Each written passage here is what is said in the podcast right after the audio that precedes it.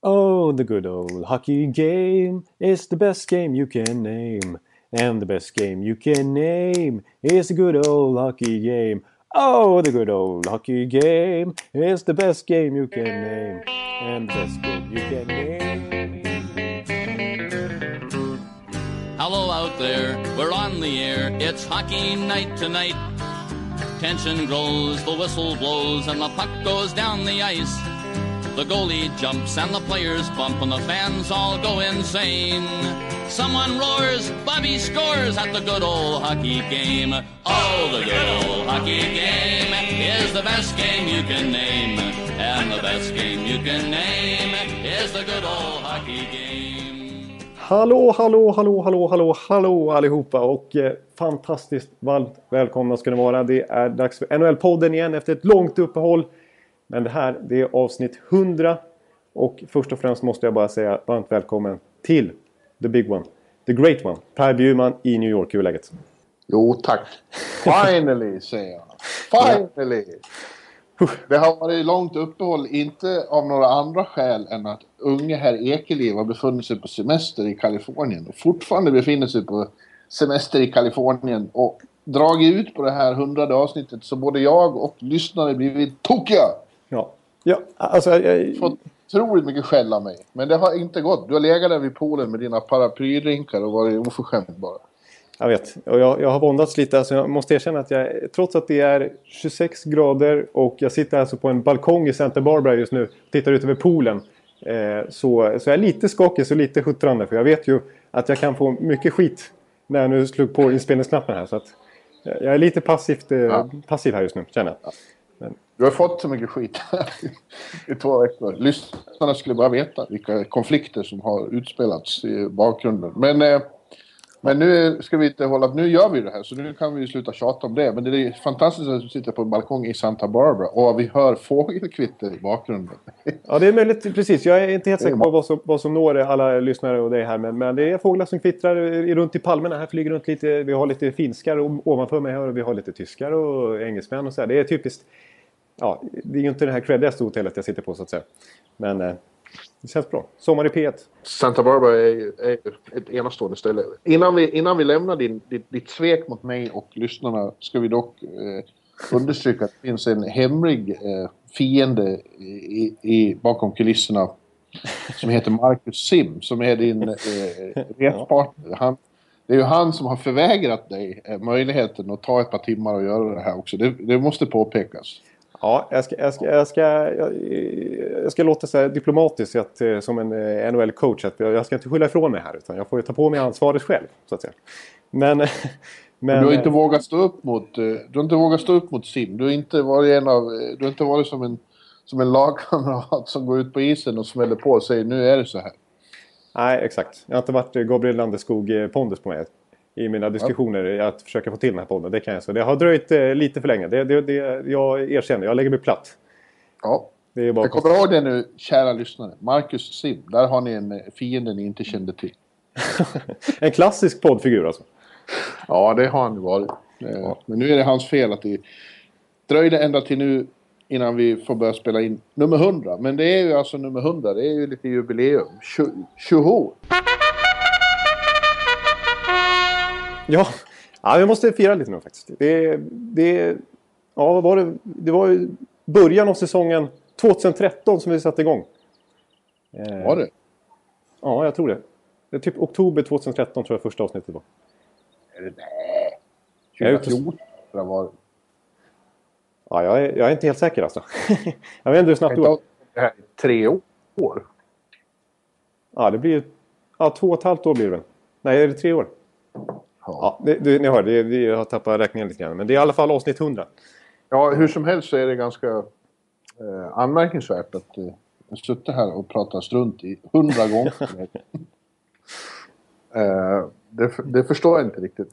Tänk vad mycket tid som man verkligen har gjort något annat höll jag på att säga. Men Ja. eh, nej, det har ju varit ett, ett sant nöje. Ja, inte minst för mig. Det var din idé från början, visst var det så? Var det du som kläckte idén att vi borde göra en podcast? Ja, jag kände mig lite sugen där och eh, jag snackade lite med Patrik Syk som är liksom poddmaestro på Aftonbladet och har eh, är spindeln i nätet för ungefär 35 poddar känns det som. Eh, och han eh, tyckte ju direkt att jo, en NHL-podd ska det bli, hur, vad ni än säger och tycker. Så att, eh, nu, nu, får ni köra igång och, eh, på typ måndag ungefär. Lät det ungefär som det, det, var på kort varsel vi drog igång. Det var ingen lång planering utan vi bara satte, sparkade igång på, på direkt kändes det som. Ja, och på, och på, det sättet har det sedan fortsatt. Ja. Eh, ja. Det är ju inte... Det är inte det mest eh, genomarbetade ambition. Det är på uppstuds på, på, eh, på direkt volley hela tiden. Men det är väl så det ska vara. Det har ju ja. det blivit som det har blivit. Ja. Vad tycker du har varit höjdpunkten under de här hundra avsnitten? Ja, eh, om säger, icke höjdpunkter som sagt, det är, som säger, det är, det är ju ingen Sportsnet-produktion det här, eller TSN i klass. Så att, det har ju varit några tekniska haverier så att säga, det får vi konstatera. Eh, ja, och det även... var mycket värre i början innan du hade lärt dig klippa. För då kunde vi hålla på att spela, i, spela in i 15 minuter så fick vi börja om från början. Ja. Då, då, hade jag i och för sig problem med att överhuvudtaget alltså, trycka på inspelningsknappen. Det var ju ja. regel nummer ett. Så det har ju hänt någon gång att vi har spelat in en kvart och sen så har vi kommit fram till att nej, nu har vi inte spelat in alls. Så att säga. Det var, då, det var då du lärde dig att jag kan bli Kapten Haddock också. Ja, precis. Då, då fick jag reda på att, eh, vad som händer om man gör bort sig här inför Per Bjurman. Då, då, då, kan, då får man veta det, så att säga. Men... Eh, ja, nej, så är det inte. Jag är så snäll. Ja, vi, absolut. Ja, ja, nej, verkligen. Höjdpunkt, ja. För mig är det två gånger som står ut eh, då. Ja. Framförallt eh, när du kom till Nashville förra säsongen. Eller ja, du kom ju hit till New York och vi åkte till Nashville. Din, ditt, ditt besök här då. Ja. Och sen när du återkom under eh, finalen i, i våras då. Ja. Gjorde en vansinnesresa till Tampa för att få se dem få stryk.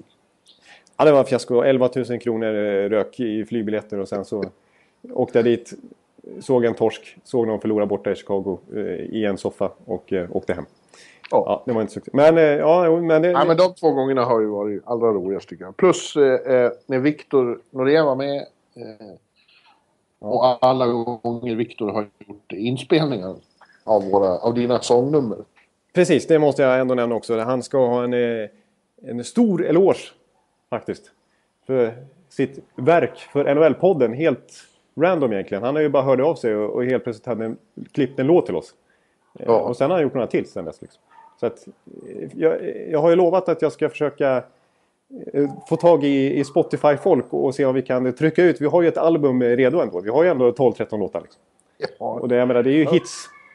Ja, jag tycker det borde bli hits. Är det barn i poolen nu tycker jag man hör också? Ja, nu är det barn i poolen. Nu är, nu oj, oj, oj, oj, nu är det dykningstävling här alltså. Nu är det seriöst. Ja, jag har inga problem med det här. Det får gärna vara ljud i bakgrunden. Du försöker ju vara så lite ESPN ibland och vill, vill ha bort ljud och så. Men jag tycker det är trevligt. Ja, ja det är bra. Det är bra. Eh, ja, exakt. Jag ska inte hålla på med, med ISBN heller för det, det har ju uppenbarligen funkat. Alltså jag har inte den, den tekniska kvaliteten i mig så att säga. Så det är, bäst att jag, det är bättre att jag sitter på en balkong, känner Ja, men eh, det här är ju bara början. Vi, eh, en gång kommer vi fira tusende avsnittet. Oh, ja, ja, det, det hoppas jag också. När kan det bli? 2021 i... Eh, I... Eh, I Las Vegas. I Las Vegas förstås, ja. ja, ja, ja. När Las Vegas har vunnit Stanley Cup. Just det, precis. Avsnitt 1000 där 24 juni 2021 när Black Knights har lyft bucklan mot eh, ja. Quebec Nordics. Det är då Henke Lundqvist slutligen får bucklan. Ja, just det. Han har blivit tradad till Las Vegas. Ja. Ja, ja det, det, det, ja, det ser jag för sig inte som helt osannolikt. Nej, inte jag heller. nej, nej, men ja. det. Och jag hade ju då, för vi får ju ta den bittra också då. Jag hade ju föreställt mig och planerat och, och tyckte också att jag hade fått gehör för idén att du skulle komma hit även till avsnitt 100. Ja. Eh, eh, men eh, nej, då plötsligt beställde han en resa till Kalifornien med djävulen från Falun, Marcus Sim. Ja. Ja, och vi kan konstatera att som du har noggrant poängterat i diverse sms till exempel och kanske i, podd, i bloggform också. Att när man håller på så här som jag gör och, och mer eller mindre planerar en resa till New York för avsnitt 100 Eh, jag nämner det för alla lyssnare här också att det, är det som är poängen att vi ska köra livepodd i New York. Mm. vad händer då? Ja, då, då är det ju karma. Då liksom går ju allt emot mig. Mitt, I alla fall eh, mitt lag, Tampa Bay. Så det ja, verkligen. Så. Ja, det har varit svårt att inte se det som karma vad som har hänt äh, Tampa under ditt, ditt ja, att du har varit off reservation på det här sättet. Eh, Ja. Först Anton Strålman går sönder. Katastrof i sig. Ja. Och det Eh. fick jag ju reda på genom... Det är ju du som har meddelat mig båda gångerna. För jag får erkänna att jag har inte riktigt varit lika uppkopplad här som normalt när jag sitter hemma i Örby och trycker. Eh, när man är ute på vägarna och sådär. Eh, men eh, ja, då fick jag ju panik, trauma. Hoppade i poolen och höll på att inte komma upp. Ungefär. Ja, eh, och han är borta. Jag vet inte hur länge han är borta, men han kommer ju inte att vara tillbaka i sin första Stanley Cup-omgång i alla fall. Det är Nej. helt klart. Eh, Men än värre, igår kväll, eh, ja i princip bara 12 timmar innan vi ska spela in det här. eh, Så kommer beskedet, chockbeskedet faktiskt, det är en bomb som slår ner i NHL. Att Steven Stamkos eh, har en blodpropp i armen. Måste opereras och blir borta en till tre månader. Det betyder att säsongen är i princip över. Ja, ja, det är ju...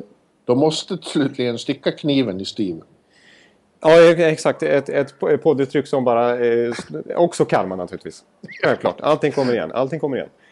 Ja, ja det är ju... Eh, det går nästan inte att bli... Något, något värre skulle nästan inte kunna hända Tampa, eller hur? Det är Victor... Victor eller Anton är ju... Är vilket som egentligen. Ja, det, kan man verkligen argumentera för. Visst, eh, Victor Hedman är ju extremt viktig och, eh, och hans, eh, hans otroliga genombrott i slutspelet i fjol inte minst som visar att, att han verkligen kan bära en försvarsuppsättning så extremt skickligt liksom. Men, men Anton Stråman är ändå...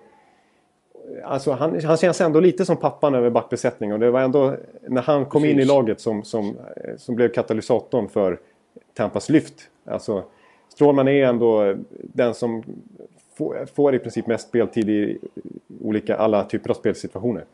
Och han är den, skulle jag säga, en av de smartaste spelarna i hela ligan faktiskt. Eh, på att lösa situationer och, och eh, alltså alla typer av lägen i matcherna. Liksom. Så att jag, jag tycker att Strålman är, det är liksom... Det är eh, lite som Duncan Keith för, för Tampa Bay på något vis. Och jag menar Stamkos är ju, ja jag vet inte vad jag ska säga alltså. Eh, När när jag fick det där smset. Oh, för jag, jag, visste, jag hade ju sett då att det var en upper body injury, att han plötsligt var borta. Det var ju en chock i sig inför matchen mot New Jersey igår kväll. Eh, att han skulle vara borta. Han har ju spelat alla matcher hela säsongen och är ju i princip aldrig skadad. Om man väl är skadad så är det en sån här enorm grej som att han bryter benet. Till exempel. Jonte, jag hör dig knappt nu. Nu är det ju väldigt konstigt ljud i mina öron.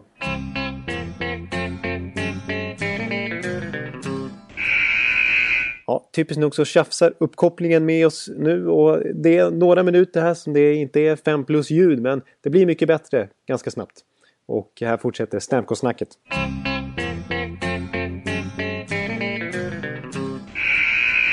Men så efter matchen så kliver plötsligt Steve Eisenman ut och håller en presskonferens och bekräftar då här att han har en blodpropp inför liksom chockade reportrar som inte hade alls föranat det här och inte jag heller naturligtvis.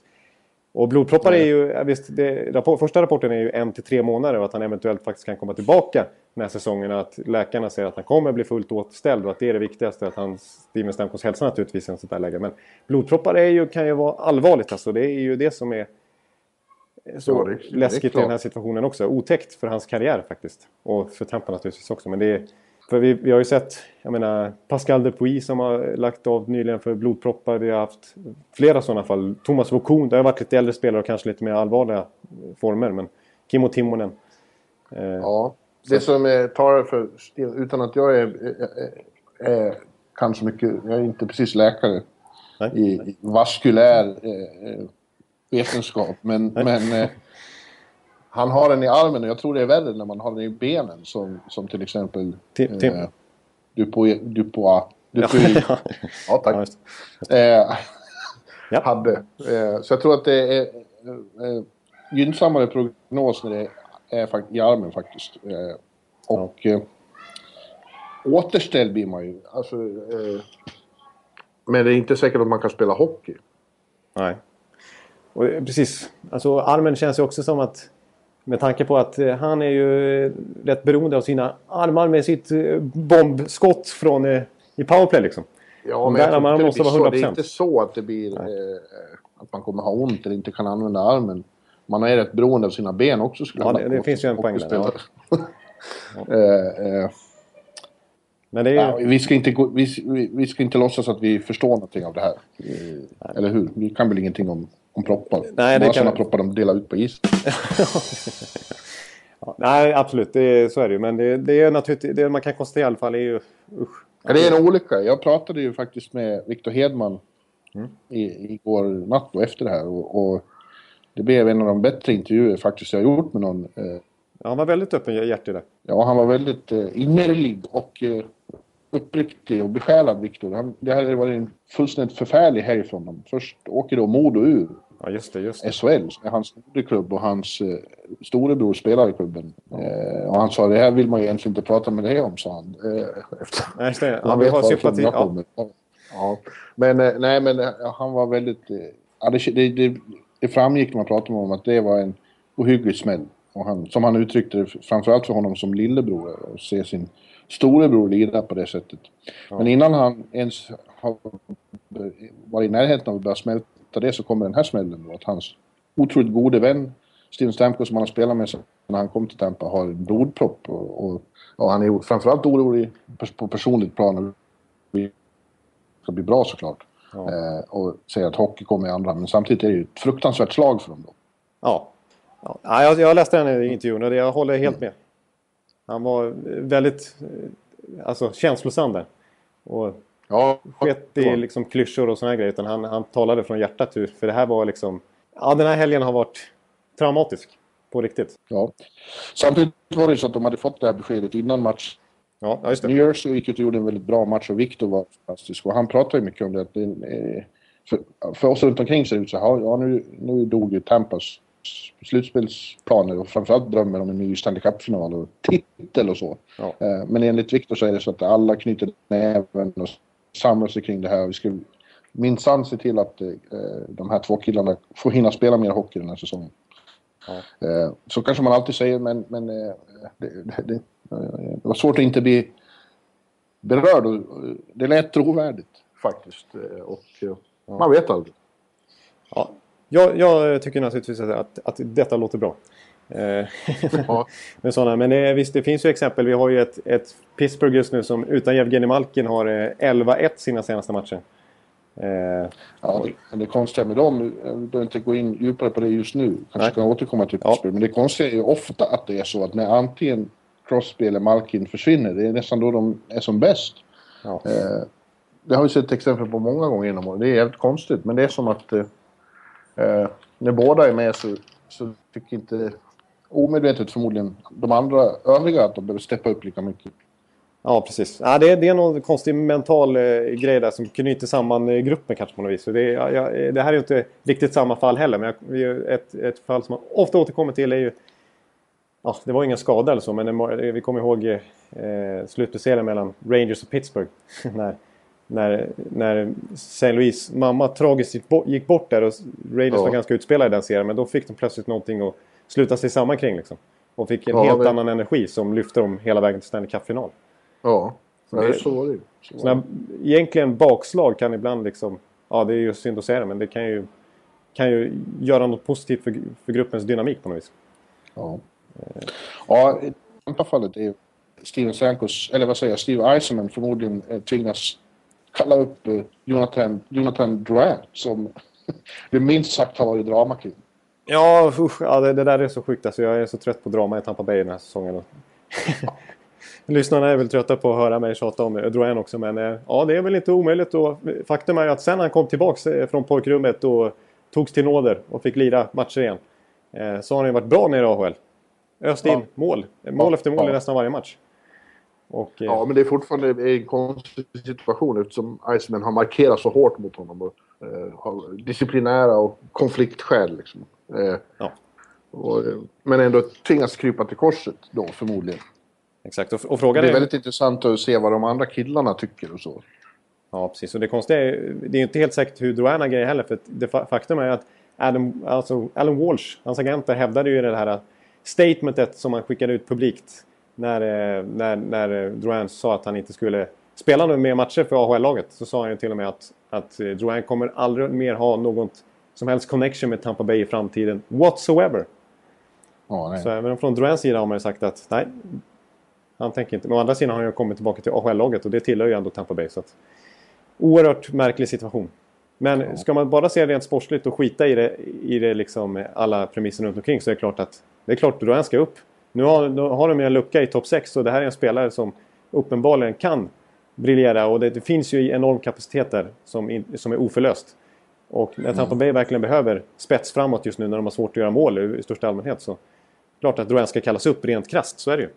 Ja, ja det blir ju så. Intressant.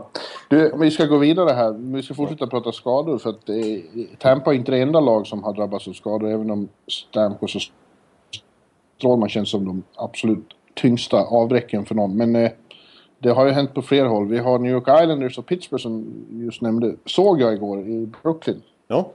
Och eh, Mark André Fleury då, eh, eh, franchise-målvakten i Pittsburgh, har fått diagnosen hjärnskakning för andra gången på säsongen och är borta indefinitely. Och det är ju inte bra när man har det för andra gången i säsong. Det har vi sett många exempel Nej, verkligen inte. Nej. Samma Och det säsong. känns ju som ett eh, slag för dem också då.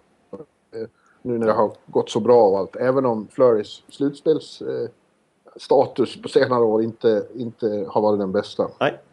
Eh, men han är ändå en sån... Känns som del av ryggraden där. Å andra sidan Murray som jag såg igår då eh, i Brooklyn. Ja. Han höll ju nollan och såg väldigt bra ut. Även om Islanders inte gjorde någon stor match och verkligen inte fick mycket. Pittsburgh spelade extremt bra defensivt. Stängde verkligen ner matchen. Men när han väl agerade så såg, fick man väldigt bra intryck av den Murray. Ja, Okej, vad bra. Det- För det hade jag nästan... Jag hade skrivit upp några punkter här vad jag skulle ta upp. Jag tänkte, du, eftersom du ändå var i Brooklyn igår så tänkte jag fråga om Matt Murray. För att det här är en eh, målvakt som känns lite bortglömd som de haft nere i sitt AHL-lag länge. Men som ju faktiskt togs med redan nu i, i det här U23-laget i World Cup trots att han knappt spelat i NHL.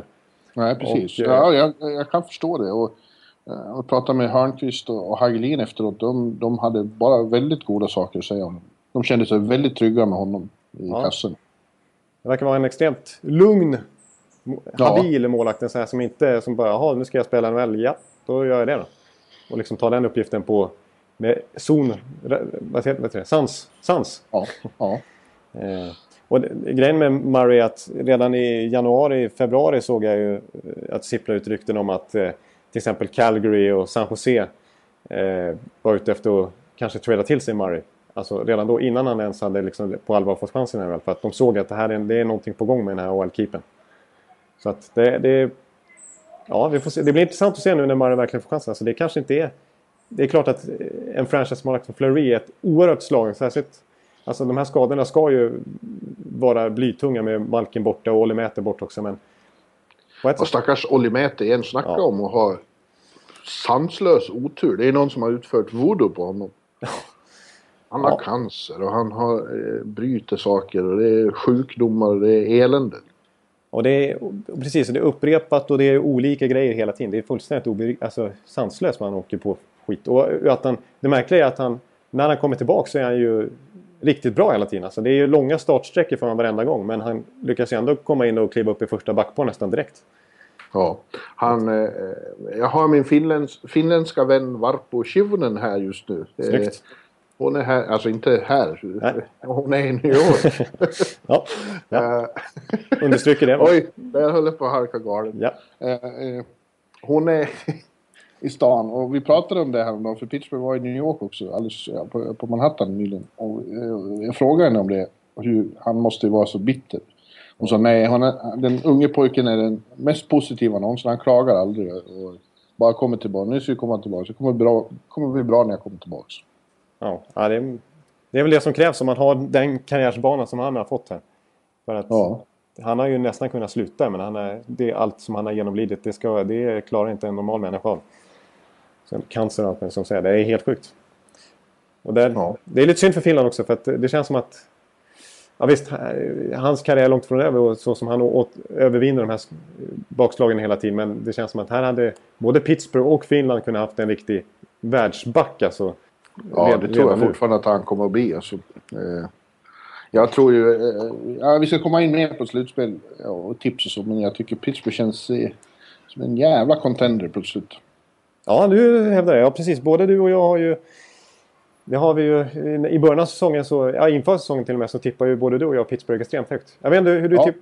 Jag tippar... Ja, men vi ska, åter, vi ska återkomma Ja. till det. Vi ska fortsätta prata skador. Ja. även hos motståndarna igår då, eh, New York Islanders, så eh, Travis Hamonic har gjort sitt för säsongen. Och kanske då också gjort sitt i Islanders för, för eviga tider.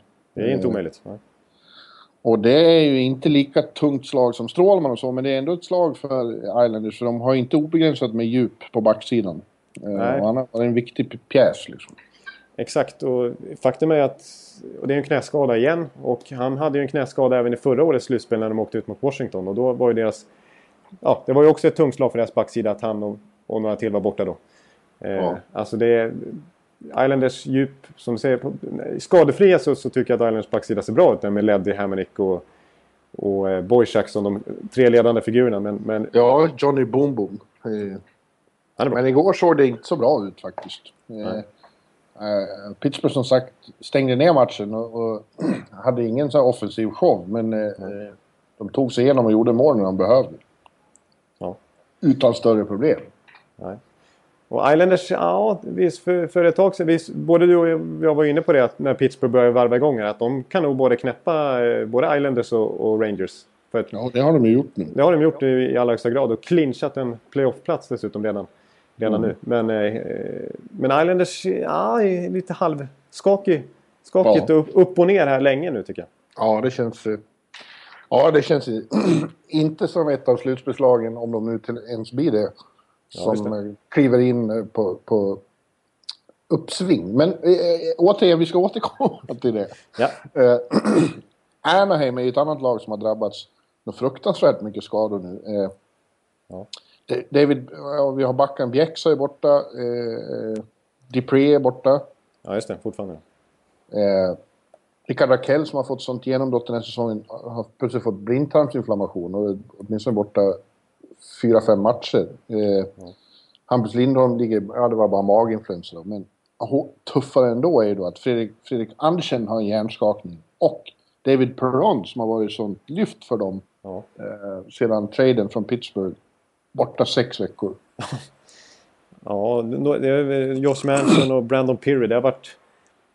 Visst, vissa av skadorna är bara day to day, står det uppskrivet. Men det är extremt mycket. Alltså det är ju halva laget nästan känns det som. Ja, så nu är det upp till bevis. När man har pratat med killarna där, Silverberg och Rakell och, och Lindholm, så har de pratat om skillnaden mot i fjol till exempel är att de har så mycket större djup i truppen och att det inte kommer vara lika känsliga för skador. Och då, Ja, då är det ju verkligen upp till bevis nu då. Ja. ja, det är ändå rätt viktigt där kan jag tänka mig. att- att alltså, ta den där första platsen i Pacific. Ja, det tror jag också. För att annars blir det förmodligen... Alltså det kan ju bli Los Angeles eller något sånt där. Eller ja, det kan ju bli San Jose också. Men, men det, det, det, det känns som tuffare motstånd än eventuellt... Ja, i och för sig Nashville är ju också... Det är, Central-divisionen vill man inte ha att göra med direkt. Men... Nej, man vill inte det. Nej, usch. Eh, Jag men- kom på mig själv där, men... San Jose eh, tycker jag också ser jävligt starka ut. Det är något som är annorlunda med San Jose i år. Ja. Men det har man i och för sig sagt förr. Eh, Men eh, ja. Nej, det är i alla fall tungt för dem. Ja. Och det är sån jävla otur för lagen, för så många lag, att, kom, att de här tunga skadorna kommer nu. Det är en vecka till slutspel. Då, då smäller det. Ja, precis. Det är en sån här extremt dålig. Och det- är inte helt ovanligt heller av någon konstig anledning. Att, Ja. För det har de trots allt spelat 70-75 matcher och Ja, det är så. Det är så. Det, Då det är det- kroppen är sårbar ändå. Liksom. Ja, visst. Och samma, Chicago ska vi säga har också lite problem. Eh, de också, eller, kanske inte riktigt lika långsiktiga eh, på, fler, på de flesta spelarna här. Men Crawford har ju också haft lite hjärnskakningsproblem. Nu, Ja. Vilket ju är naturligtvis blytungt. Eh, det är ju helt avgörande om de ska gå långt i Stanley Cup. Att Crawford är, ja, för, eh, står där mellan stolparna. Meddelas kan dock. Jag, jag, det spelas ju en matiné mot Boston medan vi spelar in det här. Ja. Eh, och Chicago-Boston. Chicago är ledning med 2-0 nu. Ja. Det jublas i Detroit inte minst. Eh, för det Ja, betyder att eh, Detroit ligger på tredje plats nu i Atlantic och Boston under strecket. Ja, just det. Just det. Ja, det här ska vi också återkomma till. Ja, vi, Men- precis. Vi ska prata om slutspelsrace helt enkelt. Ja, Chicago, inte bara att de har skador, de har en väldigt viktig spelare avstängd nu också. Eh, resten av grundserien och första slutspelsmatchen. Ja. Eh, Duncan Keith gjorde sig skyldig till ett, ett jävla övergrepp. Eh, Rätt uttryckt. på... Vad heter han nu? Eh, Charlie ja, Coyle var det. Charlie Coyle som, som vi tycker så mycket om i den här podden. Gör vi. Om inte annat för att han har så coolt namn. Han Charlie. har ett eh, bandnamn. Ja, han drog till han låg på isen hade blivit omkulltacklad och drog till med klubban i ansiktet så blodvita uppstod och allt. Ja, alltså... Och eh, får sex matcher för det. Och jag tycker det är bedrövligt det är, eh, att han inte får mer. Han är en återfallsförbrytare, Duncan Keith. Ja, han har gjort mycket skit förut som när han satte armbåge i huvudet på Daniel Sundin. Precis. Eh, hade det varit Raffi Torres som hade gjort det här. eh, Det hade varit fått- 40 matcher igen. Ja. Minst. Eh, Men de har olika eh, mätinstrument beroende på om man är stjärna eller inte. Och det är ju fan bedrövligt. Ja. Och visst, de Det, har... det, det håller jag med alla konspirationsteoretiker om. att det är, Där gör ju NHL bort sig. De, de framstår som, som patetiska. Ja, det har de gjort några gånger här, eh, det här kalenderåret kan man säga. Ja. Men eh, ja, jag håller med dig faktiskt. För att Duncan Keith är ju regerande liksom, Conn och Stanley, trefaldig Stanley Cup-vinnare och han spelar i det kanske mest populära laget i USA, Chicago. Dynastin. Eh, det, här får ju, det här är en spelare som NHL inte tycker ska ha det här ryktet. Liksom. Han ska inte stämplas som en eh, ful, elak buse. Nej. Det känns som att det, det, de har det i åtanke när de bara ger han sex matcher och så, och så en slutspelsmatch. Och så kan man ju hävda då att en slutspelsmatch är värd mycket mer än en grundseriematch. Och att, att man överhuvudtaget stängs av en slutspelsmatch är värt ganska mycket. Men, eh, men eh, nej, jag tycker det är för milt straff med tanke på vad han gör. Att han Ja, helt, han helt avsiktligt precis bara slashar klubban stenhårt i, i ansiktet på Coyle. Och det hade ju kunnat sluta mycket, mycket värre. Ja. Eh, och att han har gjort liknande grejer på Jeff Carter när han har svingat klubban rakt upp i ansiktet. Och det var någon match, eh, någon slutspelsmatch mot St. Louis för några år sedan när, när, när han fick, när, eh, vad heter vår vän, Don Cherry i Hockey Night in Canada eh, hade någon rasande rant där när, om att eh, Duncan Keith försöker slasha sönder varenda St. Louis-spelare. Ja. Så att han har ju någon konstig liksom, eh, grej i bakhuvudet där att han, han använder sin klubba lite fult och fegt. Lite Ja, han, eh, han borde gå på anger management tycker jag det ser ut som. Ja, nästan alltså. Och han, är- han kan uttrycka sig alltså, lite i anger management, alltså lite, lite överdrivet aggressivt eh, gång på gång. Så jag kommer, just den där St. Louis-serien var väl eh, så, så jag för mig att Brent Seabrook sänkte David Backes så att han missade resten av serien. Och någonting, då, sa väl Keith, då sa väl Keith någonting efteråt om att, eh, eh, han, att han bara ligger och filmar eller något sånt där. Att det är inte alls fult. Liksom. Sluta whina St. Louis. Ja. Det var kanske inte så snyggt i det läget när Backes faktiskt skadade sig ganska gravt. Men ja. Ja, nej. Ja, Vad tycker du han skulle Eh. fått då? Det skulle ha varit 14, 14-15 matcher eller 10 matcher? Eller? mellan 10, mellan 10 och 15 tycker jag. Ja. Det tycker jag också. Även i slutspelet faktiskt. Ja, absolut. Ja. Det ska inte... Det ska ju...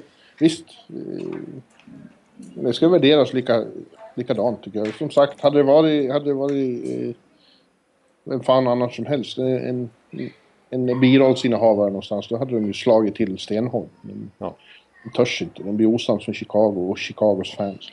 Det får man inte bli. Det märker man att eh, NHL, det är ju... Och det ska ju Chicago naturligtvis ha heder för. För de har gjort det extremt bra på alla håll och kanter. Men de, det är ju, det är ju NHLs lag lite grann. Det är de som får alla stora... Det är, det är de som drar de största publik... eh, TV-siffrorna och publiksiffrorna. Och det är de som eh, får de flesta utomhusmatcherna och såna här...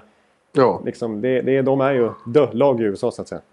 i USA ja. Men det finns ett annat land Ja, norr om gränsen här som heter Kanada.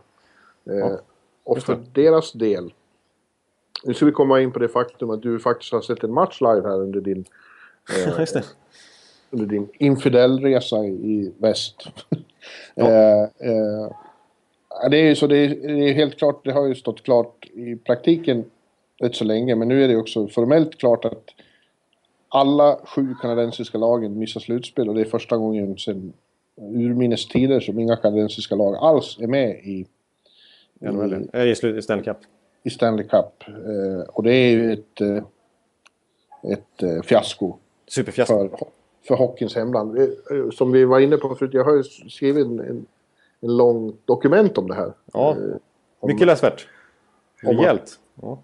ett eh, väldigt deppigt år för Kanada på många sätt. Eh, deras... deras eh, ja, de är ju fortfarande nummer ett, men dominansen håller på att brytas. Det, det här var också första första säsongen som färre än 50% av spelarna i NHL är från Kanada.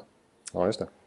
Eh, och det blir liksom lite symbolik då att också alla deras lag missar. Jag intervjuade ju några journalister i det där dokumentet och, och de bekräftar ju att visst, det, det, är fortfarande stort och alla kommer att följa det eftersom det, de har så stora stjärnor och så, även i amerikanska lag. Men att det är en downer, som Chris Johnston uttryckte det, Mm. för tv-siffror och sånt och för de som jobbar med hockey uppe där. Ja, alltså i Kanada, jag menar, ett Hockey Night in Canada i under en slutspelsserie när Montreal eller Toronto, ja, Toronto var ett dåligt exempel, men Vancouver eller något sånt där eh, spelar slutspel. Det, det, är ju liksom en eh, folkrörelse som sitter och kikar på det. Ja. Det, det, är ju, det är ju en landskamp i princip. Eh, det finns ju stor risk att CBC inte ens kommer att göra ett sånt här eh, suggestivt, magiskt eh, intro de brukar göra inför ja, slutspelet. Som brukar vara 6 plus. Ja, precis. Faktiskt. Men nu kanske de inte eh, har motivation nog att göra det. Det vore ju tragiskt. Ja, nej, för de, precis. För de har inte möjlighet. Det blir ju, det blir ju Tampa och det blir ju eh, Los Angeles och sådana här eh, liksom Southern icke-lag som de tycker som ska, som ska synas i de klippen. Liksom. Men det är ju fiasko framför, det är inte fiasko för alla. Alltså, några lag befinner sig i, i rebuild. Toronto till exempel var ingen som hade räknat med att de skulle gå. De håller ju på med ett väldigt intressant extremt eh, genomgripande nybygge. Ja. Eh, och där, jag ska säga det bara apropå Toronto att nu när Pittsburgh clinchar sin playoff birth så har Toronto fått ytterligare ett första val eh, till kommande draft eh, från Phil Kessel-traden som var villkorligt där. Så okay. Enormt ja. Mm. Så det, ja, och, men ja, för de som det är verkligen fiasko i Montreal i allra första hand. De, eh, ja. alltså, de var ju eh, tänkt som contender efter deras inledning på säsongen så var det, kändes det som världens bästa lag och så går de och, och, och missar helt och hållet. Ja, det var nästan lite Plan the Parade-känsla där. Ja, det är, eh, du kan hälsa eh, fienden Simler, det är ju hans lag. Ja. Så det är väl lite karma det med. det är kanske lite möjligt. Han hade lite sådana tongångar där i början av säsongen. Det får, jag, det får han nog erkänna själv tror jag. Ja. Men eh, nej, precis. Alltså, för, för, Ja, för Montreal är det, är det faktiskt ett, ett rent fiasko den här, den här säsongen. Och det visst, de kan ju definitivt skylla på Care Price-skadan som ju kom mycket olämpligt direkt på säsongen. Och att han skulle vara borta hela säsongen var ju mycket oväntat när det först bara sa några veckor. Men eh, eh, annars är det som du säger, Toronto har något väldigt speciellt, eh, spännande på gång. Eh, vi har ju Winnipeg som ju visst gör ett riktigt bakslag i år när de faktiskt eh, gick till slutspel förra säsongen. Och det känns som att de hade kanske lite bättre lag på gång nu. Men det känns ja, fortfarande inte... För dem. Ja, det är bakslag för Calgary och Ottawa också. De var i mm. slutspel i fjol. Hade båda var definitivt tänkt sig att vara tillbaka i år och gå längre. Ja, och Ottawa där så har ju självaste The Boss, Eugene Mel Melnyk, rantat också och gått ut och sagt att nej, nu ska vi utvärdera det här ordentligt. Och ingen sitter säkert, vare sig spelare, ledare, scouter eller vad, ingenting. Eh, och han har ju kallat vissa av Dave Camerons eh, coachbeslut för ren idioti. Ja, att, eh, ja Cameron har nog gjort sitt. det verkar som att... Tydliga signaler om. Ja. ja. Jag skulle dock tippa att Erik Karlsson sitter rätt säkert. Erik Karlsson måste vi ju nämna speciellt ja. här. Vilken... Eh, Ottawa gör en medioker säsong. I, om man är snäll. Ja. Eh, uppriktig. Men Erik, mitt i detta kaos, gör sin bästa säsong. Han, i, igår så slog han sitt personliga poängrekord uppe i 79. Ja. Uh, han tar två till på de återstående matcherna så slår han Niklas Lidströms svenska uh, poängrekord för backar. Ja. Uh, otroligt. Han spelar nästan 30 minuter per match. Han har mest istid av alla.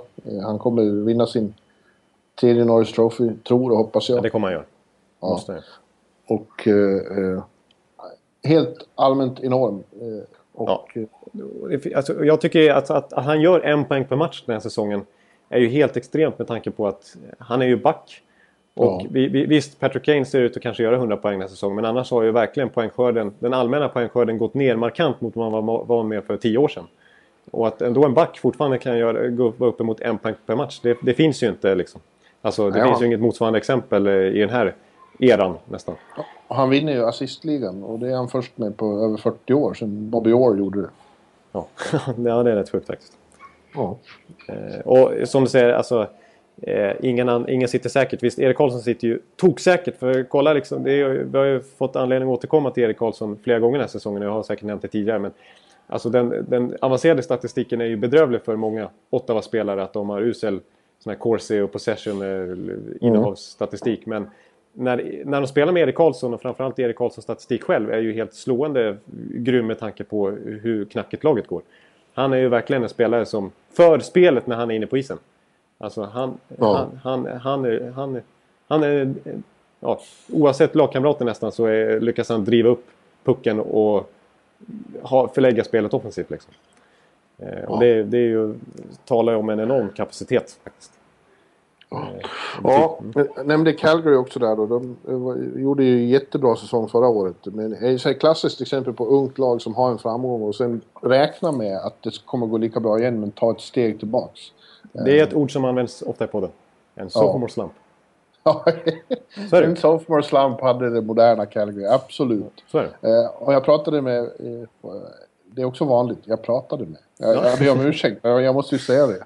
Ja. Mika Backlund efter matchen igår. Det, det sista, eh, sista Battle of Alberta någonsin i Rexall Place spelades och eh, mm. de sopade till Edmonton med 5-0 och Backlund gjorde två mål.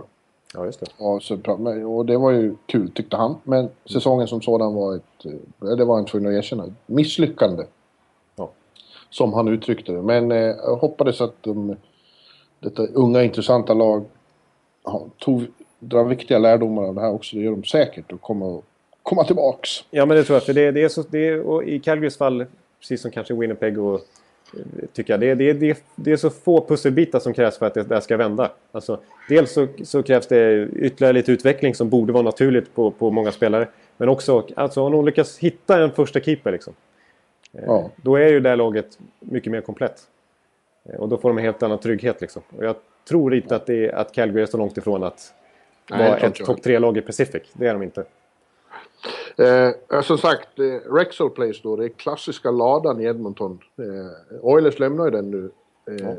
Det är ju minst sagt klassiskt. Det var ju där eh, hela Gretzky-eran utspelades, i denna lada. Ja. På onsdag spelas sista matchen någonsin mot, mot Vancouver. Sen flyttar de till en ny hypermodern eh, arena i downtown Edmonton. Skandalöst nog är det, han jag aldrig till Rexall Place. Jag har inte varit där. Det är en av få arenor du inte varit i. Nej. Jag har inte varit i Edmonton överhuvudtaget. Det är, det är fullständigt bedrövligt. Men, det, är inte, det är inte the place to be kan jag säga när jag sitter här på balkongen. Här, tycker jag. Men rent eh, klimatmässigt. Så ja, du har en visst. Men eh, visst, det, borde man ju ha varit någon gång. Men en dag kommer jag förhoppningsvis till Edmonton. Då ska jag åka förbi. Då lovar jag att åka till Rexall Place och försöka komma in och åtminstone titta hur det, hur det såg ut. Ja. Men vad gäller Edmonton då så ska vi komma in på det. Du, du, har ju faktiskt varit på en match här live under din resa som sagt. Du var och såg San Jose Edmonton i eh, Shark Tank, eller hur? Ja, det gjorde jag faktiskt. Eh, det var ju lite speciellt. Edmonton vann ju den matchen, mycket märkligt. Ja, mot eh, San Jose, det hade man inte trott. Nej, det hade man inte trott. Det är ju, San Jose är ju helt eh, hisnande usla på hemmaplan av någon konstig anledning. Rent, de spelar bra men de förlorar ju nästan varenda match. Medan de är NHLs bästa bortalag. Det är mycket märkligt. Och jag tycker de känns starka precis som du sa inför slutspelet. Men Edmonton. Ja, alltså. Där måste jag säga att även om de vann den matchen så, så har jag en konstig bild av Edmonton. Och kanske lite bekräftat eh, bild av dem. Eh, att bara när man såg och tittade på uppvärmningen. Eh, när man ser när de åker runt och kör lite småövningar. Och visst, det är oftast ganska lojt och det är inte så seriöst. Det är, de ska ju mest bara mjuka upp sig lite grann.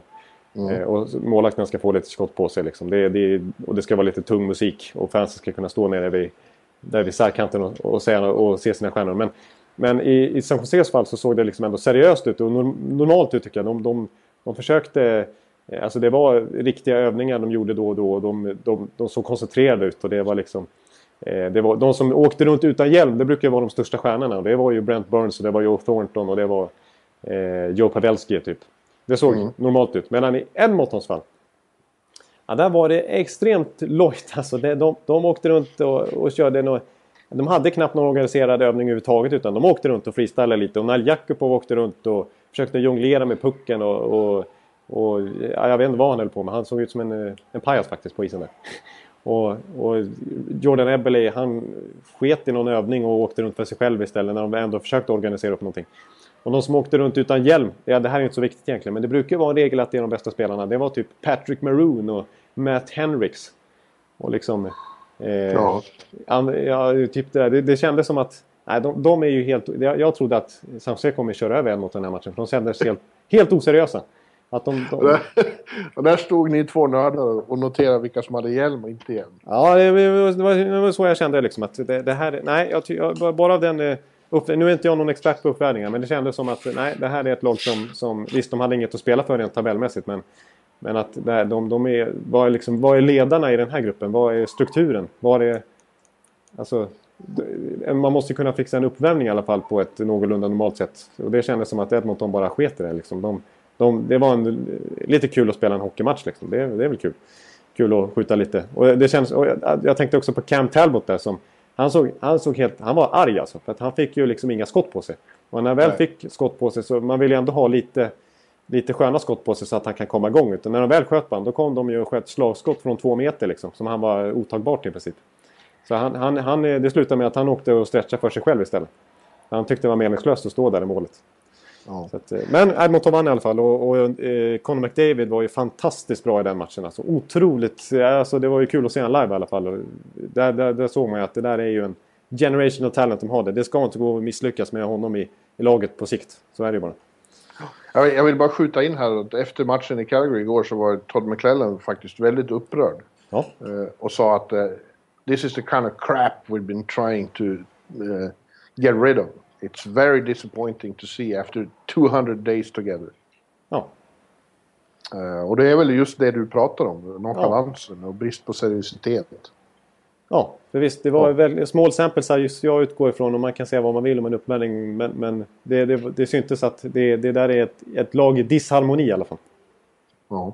Men du, vad tyckte du om upplevelsen i övrigt att vara i Shark Tank då? Var, ja, jag har ju varit där några gånger. Och det är speciell arena på något vis. Ja, den kändes ganska kompakt alltså. Den var, det är bara, visst, den tar väl 17-18 tusen men det var bara två etage. Det brukar ju vara tre etage. Ja. Så den kändes ganska sådär, den kändes lite eh, alltså, som en, alltså, som en mindre arena än vad den är. Så det, och det tycker jag är bra för då, då blir det liksom mer tryck. Pressläktaren är ju fruktansvärt högt upp i taket. Man sitter ju på någon slags eh, avs, eh, avsats högst upp i taket. Man känns som man... Eh, det är oerhört långt från isen. Ja. Man, behöver, man behöver syrgastuber för att Ja, okej, okay, okay, ja.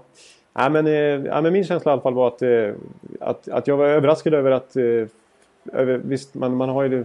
Alltså vissa sådana här sö söderlag är ju nödvändigtvis inte... Vad världens, kallar du dem? Världens tryck på läktaren, så att säga. vad kallar du dem? Södernlag? Ja, San Jose kanske... Det ligger för fan i norra Kalifornien. Ja, förlåt. Nu blir det, nu blir det Sharks Viktor Dahlgren blir vansinnig här när jag säger det. Ja, men... Eh, eh, nej men jag tyckte fansen eh, tyckte jag var ett bra tryck på. De, eh, jag menar, ja. de, och de försökte jobba igång sitt lag även när de lyckades eh, tappa fyra raka mål där mot Edmonton. Så var de ju inte så att de eh, buade allt för mycket och, och väsnades och gick hem. Utan de eh, tryckte på och försökte. Nej, jag tycker jag var positivt överraskad över upplevelsen i Shark Tank faktiskt. Gjorde de, eh, gjorde de hajkäften med händerna? Jajamän, ja, det gick ju inte att missa. Så jag, jag måste erkänna att jag hade inte koll på det där. Men helt plötsligt när det blev powerplay så sitter ju en hel arena liksom. Det var, man, fick ju, man gjorde ju bort sig om, om man inte hängde på. Så jag, jag föll för grupptrycket där och satt ju själv. Du vet. De, de drar Käf, på soundtracket från, från Hajen, eller hur? Och så sitter alla och gör det där. Och gör det du, precis. Du, du. dung, dung, dung, dung. Ja, precis. Ja, det var ju nästan lite läskigt. Ja. Så att, och visst, det jag förstår varför Sharks powerplay är typ bäst i NHL. För att de, och de gjorde ju två powerplay-mål i den där matchen också. Brent Burns och Pavelski och Thornton. Thornton måste jag nämna. Jag kanske skrev något på Twitter om det. Han är ju... Alltså jag, jag, jag har en lite negativ bild av honom. Eh, schablonbilden av att han är en playoff choker och allt det här som, som han har kvar. Ja. Som är, lämnar en liten bitter eftersmak på en så, som klassspelare. Men man måste ju bara säga att han är ju... Det finns ju få spelare, om, om ens någon, ja det finns väl några i dagens NHL, men få som har sånt otroligt spelsinne som han har. Eh. Ja, fantastiskt. Det känns som att han har gjort en väldigt bra säsong överhuvudtaget. Eh. Ja, han, han kryper ju upp topp 5 nu i poängligan i hela NHL faktiskt. 37 ja. bast eller 38 om han är. Eh, och jag måste säga, där, där är ett konstigt exempel för att han är ju slö som bara den alltså. Oj, oj, oj. Det finns inte mycket fart i de där benen, så är det ju. Och han, han tar inte många skär i onödan så att säga heller. Vem Men, sa du nu? Joe, Joe Thornton. Ja, ja. Men, men eh, han är, när- vi har pratat om att eh, till exempel Danny Heatley och Mike Richards och den här eh, Le Cavalier till viss del och, och, och Eric Stahl kanske till viss del. Alltså många av de här gamla storstjärnorna som har tappat lite på äldre dag för att de har blivit, blivit av med farten. Så måste jag säga att Joe Thornton är ju, är ju så skicklig så att han är inte beroende av fart heller. Utan han, han, han spelar ju ett, ett ganska långsamt spel själv men, men han har så otroligt skicklig med klubban och, och läsa spelet att han behöver inte vara snabb. Liksom. Nej, precis. Och han vill gärna att det, han, vill, han, vill, alltså han, han blir bara bra eh, ju långsammare han själv spelar känns det. Eh, Ja, det skulle vara roligt om han fick en framgång till slut. Det verkar vara en... Han är en eh, omtyckt person. Eh, Jag känner ju Douglas Murray och de är ju typ bästa kompisar. ja, Och han har så oerhört gott att säga om honom. ja. Ma- Matchen efter vi såg, eh, jag tror de mötte Dallas då eh, några dagar senare på hemmaplan där, så var det faktiskt Douglas Murray Knight i San Jose. Ja, han fick, ja visst, han fick komma ut och teka och grejer. Och, ja, det var roligt. Köta lite med ju- just Joe Thornton såg man där också. Ja, han är ju... Douglas är älskad i San Jose för att han var sån karaktär där. Ja, en av de tuffaste de har haft. precis. Och det säger ganska mycket om Douglas Murrays status där. När han, han gjorde ju trots allt bara kanske 7-8 säsonger och han, han vann ju ingenting med dem. Men trots det så är han ju en, en klubbikon. Nu kommer polisen i Ja, Santa nu är polisen, vet du, nu har nog Sim gjort någonting för han har lämnat lägenheten. Jag är ganska Ja, det säker på att han har ställt till det nu. Råna en bank liksom. Ja, visst. Det är dyrt att vara i Ja, Kalifornien. det är dyrt. Vi har ju varit borta i två veckor nu. Det är inte helt eh, fullt i ladorna längre. Att, Och ni ska ju till Las Vegas snart. Så ja, ni just det. behöver Oj, det kommer behövas. Oj, oj. Ja du, Las Vegas, där är det på onsdag invigs nya arenan. Eh, T-Mobile Arena. Precis. Och där, och där kommer det att spelas hockey om eh, två år. NHL-hockey. Exakt. Det är troligen. Med, med stor, mycket stor sannolikhet. Så det får du faktiskt gå och se om du går och komma in på en guidad tur. Så får du ge en eh, recension eh, av eh, The Arena. Ja, absolut. Nu är det brandkåren också. Va? jävlar! Ja, nu är det riktigt illa. Vad gör Simas? Ja.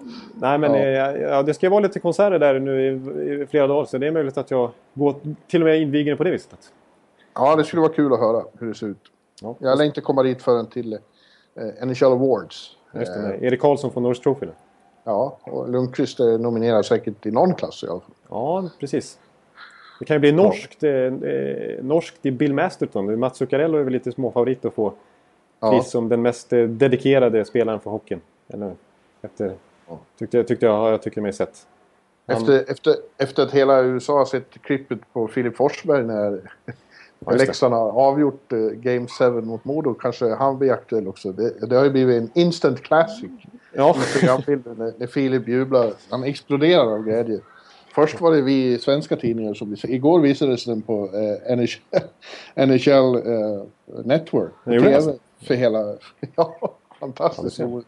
Så där fick man se Leksand låg i en stor hög i, i fjällräven medan Oh. Filip Forsberg hoppade omkring. Det visades eh, på NHL Network. Oj, oj, då, då, jag måste jag sticka emellan bara för det är ju... Det var ju en, en, en eh, milstolpe i, i ditt liv nästan, höll på att säga. Nej, men som Leksing måste ju ha varit en ganska skön fredag. Ja, men eh, vi har eh, gott om Modosympatisörer som lyssnar på det här. Så vi Ja, ska inte, vi ska inte hålla på och strö salt i såren. Nej, absolut inte. Nej. Jag, vet vad de, jag vet vad de går igenom. Ornskjolsvik är ju ett av få städer som man känner, folk känner till i Kanada och Nordamerika. I Ja, exakt. Say hello to a new era of mental health care. Cerebral is here to help you achieve your mental wellness goals with professional therapy and medication management support. 100% online. You'll experience the all new Cerebral Way, an innovative approach to mental wellness designed around you. You'll get a personalized treatment plan from a therapist, prescriber, or both in a safe and judgment free space. Your cerebral therapist or prescriber will outline a customized plan with clear milestones along the way so you can get to feeling your best. With Cerebral, you're not alone in your mental health journey. We're here to empower you to live a fulfilling life. So take that first step towards a brighter future and sign up today at cerebral.com slash podcast and use code ACAST to get 15% off your first month. Offer only valid on monthly plans. Other exclusions may apply. Offer ends July 31st, 2024. See site for details. Så att jag har mina sympatier, absolut, samtidigt. Men hörru du, snart kommer vi se likadana matcher eh, här borta. Som kommer avgöras på övertid och, och så. Eh, Just det. att betyda extremt mycket. Slut, vi har en vecka kvar av grundserien när vi spelar in det här. Det är två, egentligen skulle det ta slut på lördag, men det är två matcher som varit inställda på grund av sedvanligt snökaos här ute på östkusten. Så vi har en match i Washington. Anaheim får flyga över hela kontinenten för en meningslös match på söndag.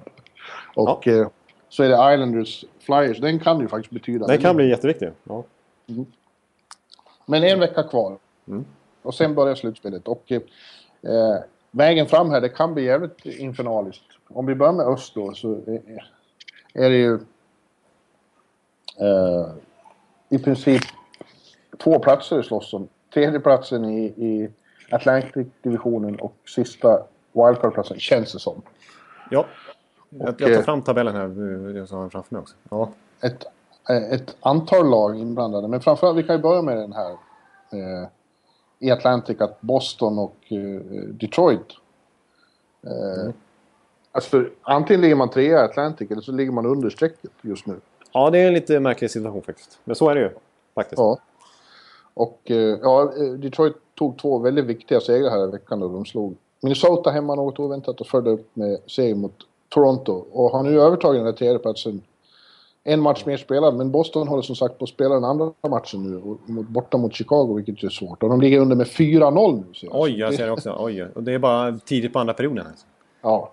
Så att, eh, eh, och Patrick Kane har gjort två mål, så det är han väl uppe i 100 nu då. Ja, det måste han vara. Ja. Så då kan vi slå fast att Detroit har den där tredjeplatsen med all säkerhet. Ja. Det infernaliska är ju att de möts på torsdag. Och innan dess så möter Detroit Philadelphia också. Det är två matcher. Gustav Nyqvist i telefon igår sa det är då hela säsongen avgörs i de två matcherna. Ja, det är ju pikant att... Huruvida deras 24 år långa slutspelssvit lever kvar eller inte. Ja. Ja, jag måste erkänna att de senaste veckorna har jag, har jag haft eh, inte så hög tilltro faktiskt till Detroit. Även om man aldrig ska... Inte jag heller. Nej. Eh, det känns lite vingligt. Det känns som, jag har sett dem några gånger jag har blivit paff över att det sett ut som att de inte har varit så... Eh, man saknar intensiteten när matcherna har varit så viktiga. Ja, exakt. Det, det, exakt, det känns eh, lamt och liksom inte riktigt eh, den här eh, sista gnistan för att vinna 50-50 dueller liksom. Och den här bettet i skottet för att verkligen trycka in den i turen och sånt där. Eh, och den här farten, nej. Det, det har känts lite halvdåligt och målvaktsspelet har inte varit riktigt lika 100% som det har varit tidigare på säsongen. Och just när du sa det så kraxade en kråka ja. i Santa Barbara. Exakt. För att understryka. Exakt, precis så. Nu, nu, nu hjälper de mig här, omgivningen. Men, ja. men, men, eh, ja, så men jag... det, är, det, går ju att komma ikapp Philadelphia för laget som ligger där under strecket också. Men, men Philadelphia tycker jag känns som eh, en sensation sista veckorna. Ja, ja, det känns väldigt starkt. De slog Washington i en fantastisk match. Ja. Eh, som fick en att börja drömma om en slutspelsserie mellan dem. Ja, precis. Det är ju en, en, ett klassiskt gammalt rivalmöte faktiskt. Ja, det är det. Sen, sen lång tid tillbaka. Men ja, jag, jag tycker också alltså Philadelphia senaste en och en halv månader så är de kanske nästan bäst i NHL. I alla fall topp fem, topp tre. Eh, och de spelar ju verkligen, till skillnad, de är lite raka motsatsen på det viset i inst instämd ska jag inte säga, men sättet de utför matcherna mot, mot Detroit så är det verkligen den här geisten och den här bettet i, i skären. Och, och, ja. Alltså, The Wayne Train är ju liksom stekhet just nu och bara trycker in puckarna liksom. Och, och Shane Gostisper är ju liksom briljant. Gostisper känns ju som han har varit katalysatorn för det här. Så ja. ung han är så är det han som har förvandlat Philadelphia. Ja, för, för grejen är att inför säsongen så känns, tror jag att varken du eller jag hade Philadelphia slutspel. Men både du och jag tyckte att det finns ju kapacitet i det här laget. Det är ju ett spännande lag. Ja. Jag menar, de har ju... De har ju ganska många kvalitetsspelare, inte minst Giroud och Vorosek, men även Simmons och Chen och... Och det finns ändå... Vi, vi, snackar, vi snackar inte så mycket om Gostisburg då, men vi pratade om att det, det, alltså, Steve Mason hade en bra säsong bakom sig och backsidan är ju liksom helt hyfsad ändå liksom. Eh, så att, det, det, och det var frågetecken kring coachen Hackstall liksom. Eh, så vi, vi, vi, var osäkra på vad jag hade dem men vi tänkte att det kan ju bli någonting. Och, mm. och även, även Hackstall har ju fått lite beröm nu liksom att han också faktiskt har fått fart lite på gr grabbarna här. För att i början av säsongen så han var helt ny i NHL. Han kom ju från college liksom.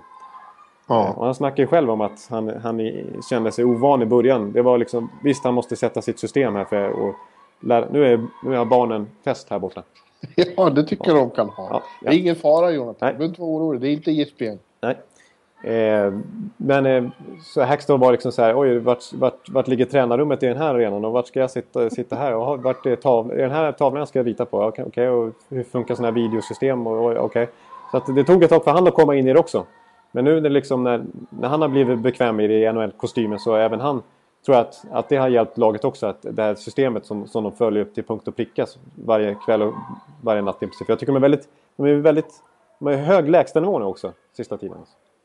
Det känns som att... Ja, jag tror att de, de, de kommer definitivt att ta en slutspelsplats. Jag tror det kommer att bli en mycket obehaglig eh, överraskning för lag som har varit klara länge och det är ju framförallt ett då. Presidents Trophy-vinnarna från huvudstaden. Precis, det är troligt också att det, att det blir de två som möts. Och förr eller senare. Ja, förr eller senare i alla fall. ja. Jag tror ju, jag, jag håller inte omöjligt att Philadelphia till och med tvingar sig upp eh, förbi eh, Rangers. Och tar Ja, tredjeplatsen de tar i en Metropolitan... eh, Okej, jag tänkte så. Ja. Det är de och Pittsburgh och det vet vi. De ska mötas i eftermiddag i sin sista grundseriemöte. Eh, ja, just det. också bli en fantastisk match. Eh, eh, för att de ska, måste ju vinna den då om de ska göra det som jag säger och ta sig upp där på Ja. Pittsburgh. Ja, Ja, vi, vi kan ju nämna då bara Pittsburgh då också. Det har ju kanske sagt ganska mycket om i i Pittsburgh nu, deras fantastiska svit. Men det är ju helt otroligt vad de bara ångar på helt plötsligt. Eller helt plötsligt, de har gjort det en längre tid nu. fem raka och... Eh, ja, jag är jävligt imponerad av Pittsburgh. Eh, de eh, har hittat formationer som fungerar så oerhört bra. Hörnqvist, eller vad säger jag, Hagelin och Kessel är ett nytt radarpar av Guds nåde. Ja, det var, hade man ju inte väntat sig inför säsongen när man snackar Crosby Kessel liksom. Eller, ja, att, att det skulle vara Hagelin helt plötsligt från Anaheim som skulle kliva in och få fart på Kessel. Det, Nej, Det men de, tydligt. de passar extremt bra. De är snabba båda två och, och trivs ihop. Det säger Hagelin att eh, från första stund de spela ihop så, så, så klickar det direkt. Eh, han säger att eh, alla vet att Kessel har ett fantastiskt skott men han är också en extremt osjälvisk spelare som slår väldigt bra passningar och inte får tillräckligt mycket cred för det. ja. Nej, det är mycket möjligt. Ja. Och faktiskt... Och sen, men sen är det också det att, som, som mot Islanders igår till exempel, de visar att de eh, kan stänga ner en match och spela väldigt, väldigt tight defensivt. Det kunde de inte i fjol när de mötte Rangers till exempel. Nej. Eh, I första omgången. Nej, precis. Och, Det Sullivan är nog en väldigt bra coach.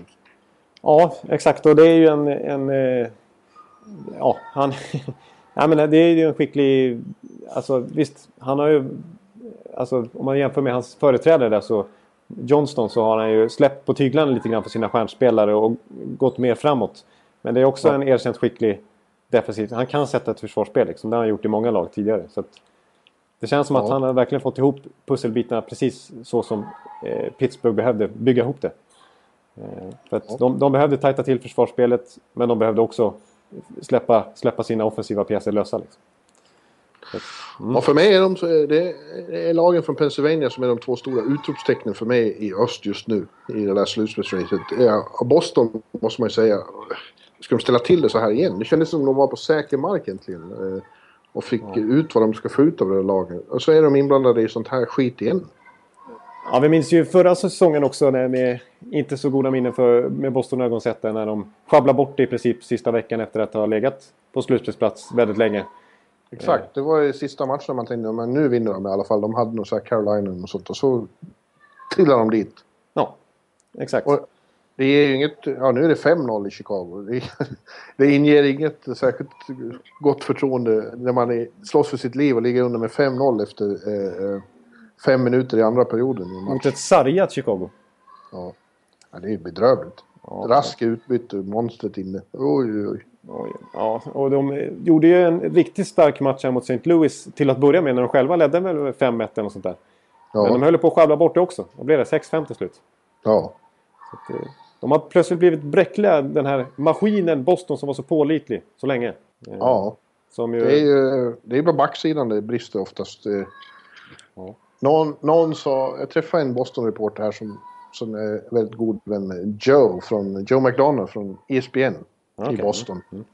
Eh, vad alla där pratar om är Johnny Boychuk. Eh, att det var, de var tvungna att släppa honom. Och det olyckliga med det var att de släppte honom för att de skulle ha Dougie Hamilton.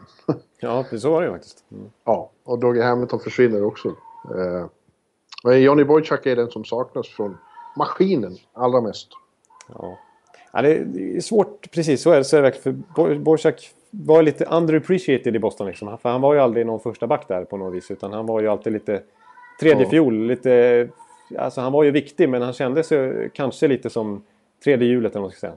Alltså i, i bygget där. Men han, han var inte framtiden för dem. Eh, och han var, hade inte lika stor ikonstatus som till exempel Chara. Så att, men nej, det är lite svårt att, att förstå sig på Boston. Det har vi ju snackat om länge där. Men hur, hur de tänker och hur, hur de ska agera egentligen. För, för det, ju, det finns ju så mycket otrolig kvalitet här som gör att de, de verkligen kan vara med i ett slutspelsrace. Men när de har Bergeron och de har Marchand och de har Tukaraski i kassen och de har ju Chara fortfarande. Och det, det finns ju... Alltså det är ju ett bra lag liksom. Ja. Men när de tradar bort, som, som säger, när de tradar bort Boychuk för att förlänga med Hamilton så skickar, skickar de plötsligt Hamilton mot två draftval som inte ger dem någonting på kort sikt. Utan plötsligt så är det lite rebuild på något vis, men ändå inte för att kärnan är fortfarande kvar. Ja, Det, det, det är svårt att förstå hur Boston egentligen tänker för att de ska... Ja, det, det, vart ju, Ja. det vart ju fiasko med Hamilton för att han inte ville vara kvar. Han trivdes inte där av någon anledning. Ja. Som inte är känd än. Nej, precis. Men lite svårt också alltså, att de då tar två, visst höga draftval visserligen, men att de tar ett sånt utbyte. Att de inte får någon rosterspelare tillbaks. Liksom. Eh, för de har ju ändå prime-spelare nu som verkligen har, ger dem möjligheten att vinna nu. Och Chara har bara något år kvar på karriären kanske. Så det, det, de, de är en väldigt konstig fas, den, den Boston som klubb alltså. Hur de egentligen ska agera. Visst, jag tycker de har byggt upp en lite spännande framtid nu och det är inte omöjligt att de kanske kan få, få in en sån som Jimmy Vesey till nästa säsong också. Som det har varit mycket snack om senaste veckan. Men nej, Boston är i ett svår, svårvärderade tycker jag. Både, både just nu och på, på sikt. Jag måste också sätta frågetecken för eh, i öst. Vi fortsätter gå igenom öst här. Ja. Eh, New York-lagen. Islanders har vi pratat om som vinglar, men det gör konstigt med Rangers också. De hade chansen nu att säkra en slutspelsplats. Eh, men har fått stryk två matcher i rad mot först Carolina och sen Buffalo. Avhängda lag. Eh, och eh, det är något väldigt konstigt med det här.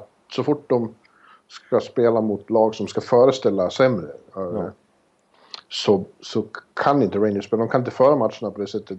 Det, blir snarare som att de går ner på deras nivå eller börjar spela som de här lagen vill spela. Ja. Och eh, det ser vingligt ut. Alltså de får ju skärpa sig ordentligt så de inte ska ramla ner på wildcard. Eh, Ja, under, under strecket ska det väl svårligen kunna hamna med fyra matcher kvar. Men vem vet? Eh, De måste, de måste ta tag i det här. Det känns inte stabilt. Nej. Eh, nej, jag håller med dig där. Och Rangers, ja, jag, ja, jag har alltså tippat dem inför säsongen där jag försökte sticka ut lite grann och säga att ah, de går till final. Ja, det tror jag du kan glömma. Å andra sidan har man, när de har gått till final och, och när de har gått långt i slutspel så har det kommit från positioner där det har känts totalt som att nu är det kört. Nu har de ingen chans. De låg under med 3-1 mot eh, Pittsburgh som sagt. De låg under med 3-1 mot Washington i fjol. Ja. Såg inte alls bra ut. De har någon jävla förmåga att resa sig sådana gånger men när de, nu så känns det som att ibland är inställningen inte den rätta utan de säger ah, det kommer ordna sig, det kommer ordna sig. Ja, Jag är inte så säker på att det kommer det. nej, det går inte att tänka så hela tiden. Det finns ju ännu fler exempel på. Eh, Så att, ja, ja, jag kan hålla med dig. Rangers är är lite bräckliga. Och det känns lite onödigt att de faktiskt... Ja, nu är Pittsburgh så otroligt heta så det är svårt att, att matcha upp deras form just nu. Men de har ju länge känt som att de har den där andra platsen i divisionen ganska säker. Ja. Nu har de ju faktiskt inte hemmaplansfördel i slutspelet längre ä- ens. Nej, Pittsburgh är mycket bättre just nu, absolut. Men jag måste diskutera Washington också. Eh, Speciell situation för dem. De är ju överlägsna seriesegrare. Presidents Trophy-vinnare sedan eh, flera dagar tillbaks. Eh, och har absolut inte haft någonting att spela för på länge. Bara ligger och väntar på att det här ska börja. Och så börjar lag bakom, framförallt Pittsburgh och Philadelphia, att bli glödheta. Det, man förstår att fansen är nervösa. Eh, Ja. och det måste vara svårt att lotsa för Barry Trotz och för spelarna hur man, hur man ska hantera det här. Ja, hur man ska liksom se till att spetsa formen och liksom hur man ska ja, komma in i slutspelet på ett bra sätt. Ja, det är ju ett fantastiskt bra lag. De har aldrig haft ett så här bra lag, Washington. Så är det ju bara. Eh, men, men de måste ta sig förbi andra omgången i slutspelet. Annars är det ett fiasko. Är otroligt fiasko. Ja. Heartbreak och total katastrof. Ja, nej, nej det, det kommer inte vara en dans, alltså dans... De kommer inte bara segla förbi det, känns det som. Särskilt om de möter ett extremt eh, formstarkt och självförtroende stint. Philadelphia till exempel. Nej, jag avundas inte Tudson och de här som brinner för en, för en framgång till slut. Ja, precis. Och så kommer Washington in med en historia av att ha spelat mer eller mindre betydelselösa matcher i två, tre veckor. Liksom. Ja. Eh, och kanske... Ja. Och nu, nu håller vi på att vila lite spelare. Niklas Bäckström fick ju vila någon match här. Och Ovechkin har väl stå, fått stå även och, och, och Grubauer får stå lite fler matcher. Ja, ja, jag vet inte. Bäcke säger att nej, vi har inga problem med motivationen och vi vill bli bättre och bättre hela tiden. Och, ja, det är rätt saker att säga, men jag undrar hur det är i bakhuvudet. Så jävla lätt kan det inte vara. Så får man stryk med 3-0 mot Arizona plötsligt. Ja, så är det ja, Precis som de fick nu. Ja, nej, ja, ja, men däremot som säger alltså bästa, bästa laget de har haft någonsin. Jag tycker att det är ett... Alltså det är, det är i princip ett så bra lag som man, som man kan få ihop möjligt kan under lönetaket. Ja. Alltså att man kan få... Ja, Att man kan ha två centra som Bäckström och Kuznetsov. Att man kan ha Werner, kanske världens bästa målskytt i Alexander Ovechkin. Att man kan ha den just nu kanske bästa målvakten i Braden Holtby. Och att man kan ha som bredd på backsidan. ja, Och att man, är, i- mitt i den här ekvationen också kan ha TJ Oshie och Justin ja, Williams. Mr Game 7 liksom. Ja, Eh, och att man ändå har hyfsade karaktärsspelare längre ner i kedjehierarkin också. Att man har spännande namn som Andrei Burakovsky på gång liksom, som ger lite hopp om, om kommande år också. Eh, så det, är ju ett, det är ju ett, just nu ett extremt balanserat och dynamiskt lag under lönetaket som ska gå till final. Så är det bara. ja. ja det ska bli... Jag hoppas... Jag hoppas verkligen det för deras skull. Det skulle, man vill ju att det ska gå bra för Ovechkin och Bäckström en, en gång. Riktigt lyckat vill man ju faktiskt. Ja, Jag måste faktiskt erkänna det själv att jag, jag vill på något vis... Jag unnar dem inte mer, mer fiaskon och choke, chokerihistorier. utan Det är faktiskt dags för dem att, att gå långt nu. Ja, det gör det. Slutligen bara, eh, det konstigt nog är det ju att Florida ligger etta i Atlantic men ändå på något vis är under radarn här. Det är ingen som riktigt pratar om dem inför slutspelet. Nej. Eh, De slåss ju fortfarande med Tampa om första platsen där i Atlantic och det ser ut att bli ganska intressant om vem som tar den. Ja, Vad vill ett, vad vill ett Tampa-fan helst? Eh, Komma etta och möta eh, wildcard-lag eller komma tvåa och möta antingen Detroit eller Boston? Ja, usch. Ja, det, det, ja alltså... Ska jag vara ärlig så känns det väl just nu som att eh, Detroit eller Boston. Just nu är ju varken något av laget stekhett precis. Nej. Eh, och eh, Philadelphia vill man ju inte möta. Så är det ju. Eh, och Islanders kanske, deras form om de skulle ligga kvar där, skulle kunna vara helt okej också. Ja, nu är jag lite hård mot, mot vissa lag här, men... Känner jag. Men... Eh, Eh, jag, jag men tror det- faktiskt att Florida kommer att de är starkare än Tampa Bay. Alltså, särskilt med de här skadorna som Tampa har nu. Men också så tycker jag att Florida känns vassare i matcherna. Tampa har flera bleka insatser bakom sig men ändå lyckats ta poäng. Eh, Florida, Florida tycker jag känns hetare. Men det finns någon bild av att Florida, det känns som många har någon idé om att ja, Florida har gjort det bra men det är inget slutspelslag. Jag, jag tror nog ändå de kan vara det. Jag tror de kan vara en obehaglig överraskning för många. Ja, de, det finns ju... eh, Alltså det är, det, det är ju brist på rutin i det laget kan man säga utifrån. Så här. Men det finns ändå ganska mycket eh, spelare som varit med här. Jag menar Brian Campbell till exempel och inte minst Jaromir Jagr förstås. Och Roberto Longo har gått eh, långt i diverse Verkligen. turneringar. Eh, och det finns ju ledare onekligen i det där laget. Att, Sean Thornton och sådana. ja, precis. Eh, så att jag tycker... Jag tycker man ska nog inte räkna ut, man ska inte bara döma ut dem med den motiveringen hur lätt som helst. Utan, eh, och ett antal av de här spelarna var ju med i slutspelet för, ja det, det är några år sedan nu, 2012 var det väl senast de var i slutspel. Ja, så det är ett tag sedan, men några stycken av dem i alla fall var med på den tiden också. Så att, ja. Ja, ja det blir... Det Och lite, lite för, som säger, alltså det kan vara positivt också att de, trots att de förmodligen får hemmaplansfördel och, och möter ett wildcard-lag troligen, så kommer de kanske ändå vara lite sådär nederlagstippade. Ja. Eh, Så de, slår, de har inte så mycket att förlora i det här slutspelet egentligen. Utan, Nej. Nej, det är en intressant situation för dem. Mm, Men du, nu ska vi ta och titta på väst också. Där är ju sju lag klara. Och det... Ja. Oj, förlåt. Det enda som återstår är vem som ska ta sista wildcard-platsen. Minnesota eller Colorado, de är upp om det. Och, eh, det verkar ju som att Minnesota har säkrat det. Uh, Colorado har haft gyllene chanser att komma in här eftersom Minnesota har förlorat två matcher i rad. Ja. Uh, men det har Colorado också. Ja. Det, är fem poäng och uh, ja, det, det, känns ganska kört för Colorado. Ja, det måste jag säga. och det känns som att det är inte riktigt, inte riktigt harmoni i den, där, i den där truppen heller. Kanske nödvändigtvis inte i truppen men på något sätt känns det liksom att det är mycket snack runt omkring också ägarstaben och inte minst Sakic och Patrick Roy. Liksom att de skyller ifrån sig lite på något vis. Roy skyller på spelarna och... Och ja, spelarna skyller nästan på honom. Ja, exakt. Och, ja, och, och från liksom ur supporterhåll så handlar det lite om att ska verkligen Roy vara kvar nästa säsong? Ska Sakic vara kvar? Och det, det är ju det är ju svårt att, att ta på det här också när, när de är så stora klubblegendarer också. Så det är liksom... Ja, det är lite konstig situation i, i, i Colorado. Det känns som att det kommer bli en händelserik sommar där oavsett. Eller inte mm. oavsett kanske men. Om de väl missar slutspel som de troligen gör. Ja. Eh. Men Minnesota är lite alltså de har ju haft en fantastiskt stor Torchetti-effekt. Den har vi pratat om sen de fick mm. in nya coachen. Men, men nu har de som sagt förlorat två matcher och det är inget bra sätt att komma in på. Nej, det är inte. Eh, de behöver komma tillbaks till eh, form för de kommer att ställas mot antingen ja, Dallas, Los Angeles, Anaheim man vet inte riktigt. Men det blir ju kommer... ett av absoluta topplagen. Ja. Eh, nej, och nej.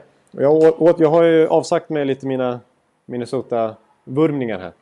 Sen en tid tillbaks. Eller ja, det har jag ja. kanske inte gjort. Jag tog ju tillbaka dem lite grann och hävdade att de kommer ta den här sista wildcard-platsen och att de minsann har ett ganska brett lag på pappret. Men nej, Minnesota känns inte som... Det här är inte deras år, trots allt. Eh, det, det, de, de känns, det känns som att de kommer åka ut i första rundan lite oavsett vilket lag de möter faktiskt känner jag. Ja. Men de kommer ta den där platsen. Frågan är vilka det blir då. Dallas har ryckt lite nu i toppen av Central där och fyra raka segrar. Ja. Imponerande. Eh, trots att, att eh, Seguin är mm. skadad. Klingberg har precis kommit tillbaks. Eh, mm. Men du vet, det är lika där. Alla, det finns en bild av att ja, de är nära men de, de är inte där än och kan, de har inte tyngden för ett långt slutspels... Eh, eh, framträdande. Men jag undrar ja. Jag tycker de känns lite som Tampa i fjol. Det har vi sagt många gånger. Ja, ja, jo, ja jag håller med. Eh, och jag tycker det... Alltså, en sån som Jamie Benn alltså, det är extremt bra lagkapten. Ja. Eh, och... Jag menar, de har fått in Patrick Sharp, hans rutin. Så som han varit med och byggt upp Chicagos dynasti i allra högsta grad. Han var ju den som varit i organisationen längst fram till han blev tradad nu i somras. Och Lindy Ruff och Jim Nill där i ledningen känns ju stabilt. Eh, ja, mycket. Eh, och så backsidan som har spelat upp sig och där det finns utveckling på flera spelare, inte minst Klingberg och... Ja, det, mm. ja men det är fint. Men nu ska vi prata om hur det ska gå i det här slutspelet. Ja, precis. Exakt. Hur, hur de ska leverera nu. Och där frågetecknen man har lite grann, det är väl trots allt Niemi och Lehtonen kanske. Är, ja. är ju inte riktigt i kaliber med många av de absoluta contender-konkurrenterna. Nej, men Antiniemi kan ju. Han har vunnit ja. Stanley Cup med Chicago. Det har han faktiskt gjort. Eh, han har förmågan att, att, göra... Han är ju lite ojämn sådär, men han har ju en enormt hög högsta nivå. Skulle han lyckas pricka in det tillräckligt ofta i ett slutspel så kan det ju räcka. Eh, och Dallas är ju det lag som har gjort överlägset flest mål i NHL. Nästan 20 fler än Washington faktiskt. Ja. Så det finns ju potens där. Till och med när Tyler Seguin är borta som säger så fortsätter de att ösa in mål och vinna matcher. Pot potens? Det finns potential? Ja, ja, jag förkortar ja, det lite olyckligt där. Ja. ja. Förlåt. Ja. nu fick man eh, harka sig lite. Ja. Sen är det då... Eh, St. Louis har ju, som du ju faktiskt har jabbat upp senast vi hördes för några månader sedan. eh, ja. Eh, nu förlorar de, men dessförinnan hade de en lång fin svit och ser... De ser starka ut. Eh, mm. Men som det ser ut nu då så får de ju gå upp mot Chicago igen. Eh, och det är ju inte så roligt. Nej, för det är på något sätt så hur starkt lag de än har. Jag, jag måste ju ändå erkänna det att St. Louis lag på pappret just nu, är, det är ju bra. Jag menar, särskilt som målvakt, målvakterna har, har gjort bra säsonger båda två. Eh, Elliot och Allen och, och backsidan är ju oerhört stark och de har ju fått tillbaka mycket folk från skador nu, inte minst Alexander Sten. Eh, så alltså, Så det där, på pappret så är, ska det ju kunna vara ett lag som går långt i slutspel. Det, är- så är det ju. Men det ligger ju undermedvetet där att de har lyckats choka bort det så många år i rad nu. Det, Ja. det, alltså hur, hur man än vrider och vänder på det så finns det där. De, de där tankarna. Och de möter Chicago som, ja, som just nu har 6-0 mot Boston. Patrick Kane har fullbordat hattrick. Exakt. Och de har ett extremt mentalt övertag på just St. Louis. Ja, de har ju det. Så att, eh, Herregud, hattrick. Och en assist på Panarins mål. Ja. ja, då är han definitivt över 100 poäng. Det kan man konstatera. ja. Patrick. Eh, så att, eh, ja, St. Louis har helt enkelt fantastiskt bra lag, men de har att bevisa här i, mot ett Chicago som man vet, de kan spela slutspelshockey. Men det är något de kan, i min gud, så är det det. Ja, precis. Och kan de få ihop sitt lag eh, rent eh, hälsomässigt här att, att, att de eh, går in med en någorlunda ordinar, ordinarie line-up direkt så då, är det, då, då går det inte att bortse från att de är en av de absoluta Stanley Cup-favoriterna igen. Oavsett om de slutar trea i divisionen. Liksom. Ja, absolut. Så. Ja, och i Pacific så känns det också som att alla är... Alla är eh, contenders. Ja. San Jose Anaheim framförallt, men ja, jag, jag, jag känner att San Jose kan vara en liten smygare i år ändå. Ja, jag tycker, jag tycker alltså, även om man såg en förlust där och de fortsätter att rada upp förluster på hemmaplan så är det ju, så är det ju ett starkt lag. Alltså, jag tycker backsidan är lite underskattad också med Vlasic, Burns, Paul Martin, eh, Justin Braun, eh, vad heter han? Dillon, Brandon Dillon där till också. Eh, Roman Polak. Det är en bra backsida. Eh, Ja, hur, Och- hur var The Melkman när ni såg dem? ja, han eh, var lite grinig faktiskt. Det var han. Ja, han är ju det. Han är, för, Ja, han är från Lycksele. Så då är man ju Precis, han hade några två minuter där tror jag faktiskt. Och han, det här borde jag ju naturligtvis minnas. Jag kanske försäger mig nu, men han gjorde, gjorde han ett mål till och med kanske? I alla fall en assist. Ja, kanske jag gjorde. Ja, ja. ja eller, men som det ser ut just nu då så är det antingen Los Angeles eller Anaheim som vinner och får möta Nashville i första omgången. Som är för, eh, första wildcard-lag med all säkerhet. Precis, och Nashville har jag ganska starka vibrationer för, eller känslor för. Det, Ja. är- Jag med. Det känns som här, några av de här matchups är så här som man bara herregud, vem kommer vinna det här? ja, precis. Och det, det är så pass starka lag det här. Så, alltså, och ändå så kanske de är underskattade, eller, eller inte underskattade, men nedlagstippade vissa serier för att det är så otroligt många starka lag. Ja. Alltså Nashville känns som en sån eh, småkrypare som ingen snackar om. Men det är ju ett jättestarkt lag på pappret det också. Och nu när Pekarin är i hög form igen och, och Ryan Johansson som ändå har fullbordat, eh, eller varit en viktig pusselbit för dem att få in en riktig första center där. Och Filip Forsberg är ju i riktigt bra slag. ja, det är bara det att det är så svårt. Eh, Man får möta Los Angeles, det är ett fruktansvärt bra slutspelslag. Det är ju bara så. Det, det kan ju vara en, liksom, ett finallag de möter direkt i princip, i kvalitet. Ja. Ja. Så det är en enormt lång väg att gå till, att gå till Stanley Cup-final om man spelar i väst överhuvudtaget. Det är, det är så extrema matchups hela vägen fram. Eh, Så det kan vara liksom potentiella finallag som åker ut direkt, så är det ju. Ja, absolut. Absolut. Ja. Alltså, Väst, väst är ju som det är. Det är vilket jävla fantastiska hockeylag som ska slå ut varandra. Ja. Alltså sett Nashville i öst och de kanske skulle, ja, de skulle definitivt tror jag vinna Atlantic Divi- Division till exempel. Ja, det skulle de. Och de ligger ju nästan i på Atlantic-sidan snarare än på västsidan skulle jag säga. Rent geografiskt. Oj. Gör Nashville till ett östlag. Ja. Ja. ja, det skulle inte du ha något så mycket emot kanske. Nej. Ja, men... Eh, Ja, spännande. Vi, om en vecka... Ja, nu får vi se när vi spelar in nästa avsnitt då. Men vi Ja. vet ju då. Ja, vi ska i alla fall göra det innan slutspelet börjar. det måste Fan vi se fan. till. Ja, jag vet. Jag har mycket press på mig nu. Och jag har inte råd med mycket mer eh, sjabbleri här längre. Nej, och, då, och då kan vi gå igenom serie för serie som vi brukar göra. Ja. Jag, jag, jag, jag ska inte säga något. Det kan, det kan, det kan. Om det inte blir från själva Las Vegas vi spelar in så, så, så kan det eventuellt bli så här att från att jag landar jag landar dagen innan slutspelet börjar. Visserligen Vilket, vilket eh, datum landar du? jag landar tidigt på onsdagen. Herregud. Ja, det måste vi göra från Las Vegas. Ja, det är kanske är bättre att göra på Las Vegas då. Ja. Ja, det är kanske från T-Mo, vad heter det? T-Mobile. Arena, Ja, ja. nu är det bara det att på hotellen i Las Vegas är det ganska dålig eh, uppkoppling ofta. Ja, just det. De vill inte att man ska sitta på rummet. De vill att du ska gå ner och slut på dina pengar i Ja, kasino. det är, det är det de vill. Ja, just det, just det. Ja, jag får försöka lösa det på något sätt. I, I värsta fall så blir det ju någon slags jetlag-podd kanske. Eh, Ja, det låter inte klokt. nej, och så lite Las Vegas-nätter i ryggen också. Du ska, Men- fly, ja, du ska flyga från västra USA. Du kommer... Good luck with that, säger jag. Ja, ja men vi, vi ska lösa det på något sätt. Det, det får bli. Jag får eh, se till att, att lösa det. Eh, Ja, nej, men eh, det blev en ganska ma- mastig podd ändå känner jag. Jag tror vi har varit uppe i, blir det en och en halv timme nästan? Ja, det hoppas jag. Det var det värt. Ja, Och den är inte klar än, för vi väntar ju på eh, 100, 100 eh, jubileets sång också som du har utlovat. ja, ja, just det. Exakt. Jag måste ju sjunga någonting här. Jag har faktiskt utlovat det på Twitter. Att jag efter, ja, det har jag gjort. Bland annat Chall och MN-Johan tror jag har krävt att jag ska sjunga. Ja, vi är 17 000 som kräver att du sjunger. Ja, just det. Ja, Se, se oss framför dig när du sjunger. Ja, jag ska göra det. Jag, ska göra det. jag kom på en sak jag måste bara berätta som har med hög poddanknytning innan jag stämmer in i sång här.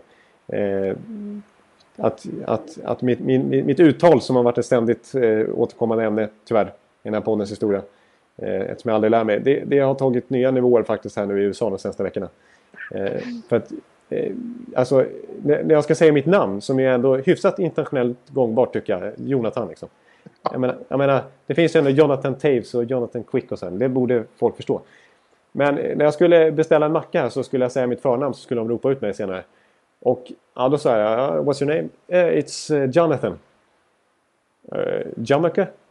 No, John, Jonathan. Jamaica? No, no. John, Jonathan. It's a...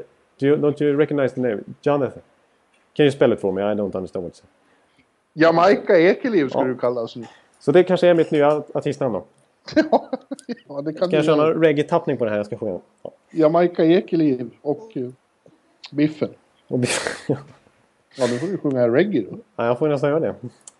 Ja, jag kanske ska, ska jag köra reggae-version på den här? Ja. Det- Take it away Jamaica. Ja, det blev lite pinsamt nu för att eh, nu är det folk som, som... Det blev mycket folk här nedanför ba- balkongen så alla kommer, hela hotellet kommer höra nu när jag ska sjunga. Ja, det får du stå ut med. Aj, aj, aj, aj, aj. Ja, nu blev det oerhört pinsamt känner jag. Jag är alldeles röd i ansiktet. Okej. ja, eh, ja, jag har ju bestämt mig för att jag ska sjunga... Nu var det en dryg vecka sedan jag var där, men jag var ju i San Francisco. Eh, Ja. Så att jag ska helt enkelt sjunga If you're going to San Francisco. Ja. Ja. Eh, Reggae-versionen har jag inte övat på riktigt. Jag, Nej, nej. jag sjöng i duschen här Ja. Take it away. Ja, tack, tack. If you're going to San Francisco yeah. Be sure to wear some flowers in your hair Come on yeah. If you're going, going to San Francisco bada, bada, You're gonna meet some gentle people there. Nej, jag nöjer mig, jag nöjer mig så. Eh, Jag, skulle, jag hade några verser till på gång men jag känner att nej, Applåderar de inte nedanför balkongen? Det var ju enastående. folk skingrade sig väldigt snabbt. Märker nu när jag ställer mig Ja. upp. Ja. Ja, men nu, nu, nu räknar vi att Viktor Norén eh, hedrar 100-jubileet genom en saftig remix på denna eh, oerhörda sånginsats. Och vi räknar ju med reg, reggae-takt gärna då eftersom eh, det var Jamaica som sjöng. ja, just det. Det är sant. Det var Jamaica Ekeliv som sjöng. Oj, oj. Ja, jag är alldeles eh, skakig nu. Jag har varit en, eh, lite av en pers med faktiskt. Ja, Eh, men det dels glädjer mig. Nervös för den här eh, podd, eh, för utskällning och för sånginsats här. Men nu, nu känner jag att nu kan jag slappna av lite grann. Ja, du, behövde, du förtjänar att känna ångest. Ja, ja det gjorde jag faktiskt. Jag, jag, jag får återigen be om ursäkt här till alla lyssnare inte minst och, också, och även till dig här som, som har fått eh, vänta i 17 dagar, dagar eller vad kom upp i sen senaste avsnittet. Det är ju inte Ja, okej. som, som när Michael Corleone går till biktprästen i Gudfadern 3 och, och erkänner allt. Och prästen säger åt honom It's good. It's good that you suffer. Ja, ja, jag känner så. Jag, jag, jag är helt medveten. Jag, jag känner så. Jag, absolut, så är det. Ja. Ja. Ja, men nu är vi klara ser du. Och Ja. inga nummer har vi att komma med heller. För ingen har någonsin haft nummer 100 och ingen kommer få ha det heller. Nej, det känns, det känns bra. På, på ett sätt är jag lite nöjd med det just nu. Vi, vi har fått lite förslag hur vi ska fortsätta den här följetongen och det välkomnar jag Det har varit lite, om vi ska lista drafterna, till exempel 00, 01, 02. Det har varit, eh, man ska ta upp något speciellt poängantal, till exempel någon som har gjort eh, 101 poäng eller som slog eh, ja, något, något som har med den siffran att göra kanske. Vi får se. Ja, men jag, vet inte om det blir något återkommande, nytt återkommande angående avsnittsnummer. Men vi, vi, vi får jobba på det. Eventuellt. Yes. Ja. Ja, men du, tack för att vi fick eh, äran att prata med dig i alla fall, Jonathan, till slut. Ja, jag tackar samma att jag fick, eh, att jag fick chansen att spela in ett nytt avsnitt. Det var ju nära att, att jag kanske skulle blivit eh, ja, Ja. pet- petad, alltså skickad till av, avstängd. avstängd. Ja, nedskickad i farmarligan. Vi tänkte Ja. ta in... eh, tänkte plocka upp en kille från, från AHL. och Från. Bakersfield. där. Ja. ja, han har hamnat i Binghamton alltså. Det har har varit tungt alltså. Ja, ja. Ja. Nej, men, eh, Ja, men tack så mycket. Det vart ju trevligt. ja, jag tackar, tackar så mycket också. Och, och, eh, det blir en spännande sista, sista vecka inför slutspel här också. Jag ska bland annat se eh, en match som är viktig för Pacific eh, vinnarslaget. Jag ska se Anaheim mot Los Angeles Kings här i Ja, veckan. Cool. Det är en bra match. Ja, hoppas jag. Ja, men du, eh, eh, som sagt. Eh, grattis till 100 och nu kör vi för 100 till. Ja, det tycker jag. Bra avslutning. Tack alla som har lyssnat och vi, vi på återhörande. Hej, hej! Hej!